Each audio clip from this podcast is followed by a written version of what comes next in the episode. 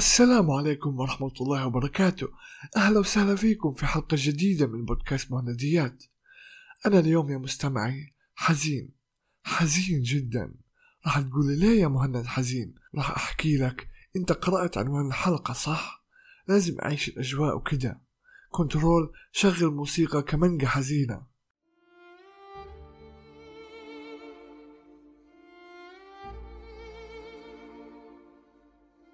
أيوة كده خليني أعيط.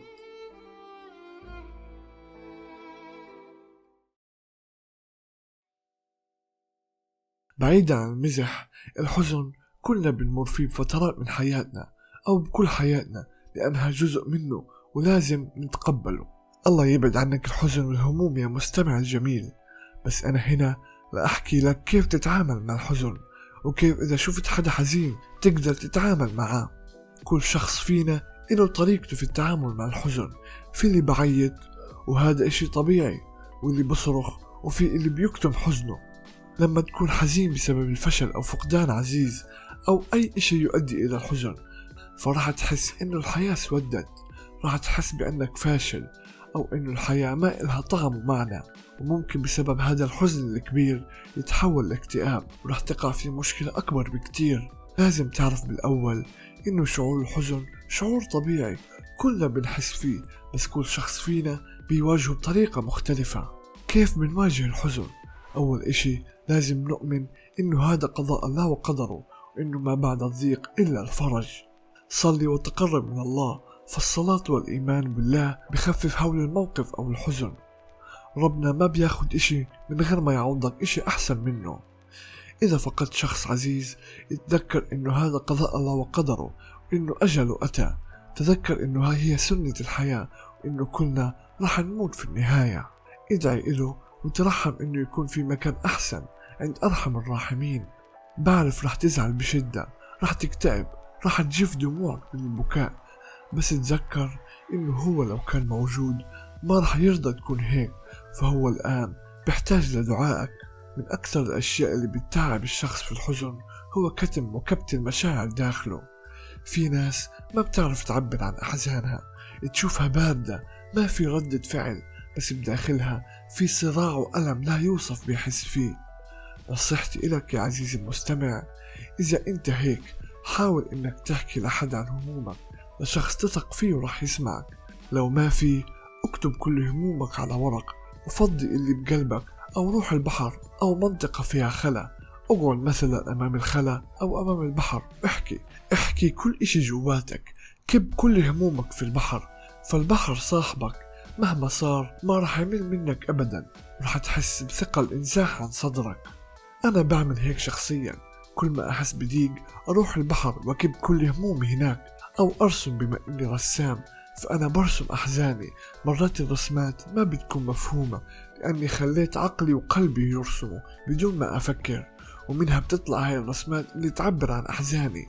الحين راح أحكي عن أهم نقطة في حلقتنا ألا وهي تعامل المجتمع مع الحزن. للأسف تعامل المجتمع مع الحزن أو مع الشخص الحزين بيكون جدا سلبي وسيء. فمثلا شخص حزين جدا بيجوا يواسوه بكلمات مثل إحمد ربك أنت أحسن من غيرك شوف فلان شو صار فيه وانت شوف شو صار فيك. خليك زلمة لا تزعل. كل الكلمات هاي ممكن تفيد بس بشكل ضئيل جدا. المشكلة مش في إنه الشخص بده يطلع على مصيبة غيره عشان تهون مصيبته أو إنه يصلي عشان تخفف أحزانه. صح الصلاة بتساعد بس الشخص الحزين بيحتاج لسند يحتاج لشخص يسند عليه ويقف معه وقت حزنه. المفروض بدل ما تحكي هذا الكلام تقول له كلام بدال أنا معك لآخر إشي. أنا سندك في وقت شدتك. تعال واحكي لي شو اللي مزعلك وساعده في الأشغال كمثلا العزاء وترتيبه أو مساعدته في مشروعه الفاشل لينجح الأفعال هاي والأقوال راح تساعد الشخص الحزين على تخفيف حزنه. راح يحس إنه في أحد بيفهمه وسانده. أكتر إشي بكرهه في دور العزاء بصراحة وإذا شفته أستحقر هذا الشخص. وهي لما تقلب بيت العزاء بملاقاة أصحابك والضحك معهم المسخرة. أنت في بيت عزاء الكل حزين والمكان له هيبته واحترامه وأنت ما يهمك وتضحك وتتمسخر أمام الناس اللي خسروا شخص عزيز. فكر أنت في الموضوع لوهلة وحط نفسك مكان هذا الشخص. تشوف ناس تضحك وتتمسخر وإنت في حزنك. شو رح تحس؟ رح تحس بالحزن أكتر أولا بسبب فقدان العزيز وثانيا إن الأشخاص هدول ما احترموا حزنك ولا أجوا ليواسوك عادي إنك تاخد صديقك وتمزح معه شوي عشان تخفف من حزنه وتخليه يضحك بس ما تقلب المكان مضحكة ومسخرة لأنه أول إشي عيب وتاني إشي إنك راح تبان للناس إنك إنسان غير راقي وهمجي. ثانيا هي نظرة المجتمع للرجل في الحزن.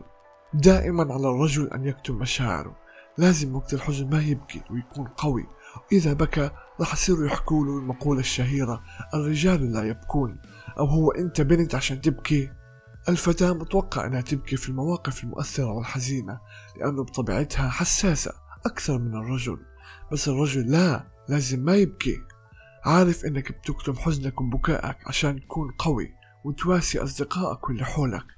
بس هذا الكتمان له أضرار وخيمة فالإنسان مهما كتم وكتم داخله راح يجي يوم.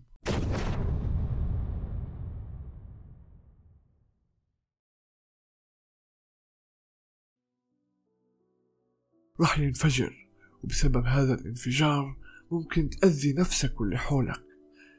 أنت إنسان في الأول والأخير البكاء اشي طبيعي كلنا بنبكي حتى أشد الناس قلوبا قد بكوا على فراق عزيز أو على إشي غالي خسروه فالبكاء نعمة من ربنا. البكاء بخليك مرتاح بخليك تطلع كل الألم والطاقة السلبية اللي جواك. فابكي يا عزيزي الرجل في المواقف اللي تؤلمك. فهذا الإشي لن يقلل من رجولتك بل بالعكس تماما. راح يبين إنك مهتم وإنك إنسان. وحتى لو ما قدرت تبكي أمام الناس ابكي في الخلاء مع نفسك. أخرج كل ألمك. في الختام كلنا في حياتنا رح نمر بالحزن لأنه إشي موجود في حياتنا ويمكن يكون الحزن أكثر من الفرح. بس لازم نتقبلها ونعرف كيف نتعامل معها. فالحزن والبكاء هي اللي بتخلينا إنسانيين. كانت هاي حلقتنا لليوم أتمنى إنكم استمتعتم واستفدتم. ألقاكم في حلقة جديدة. كان معكم مهند الحراني. في أمان الله.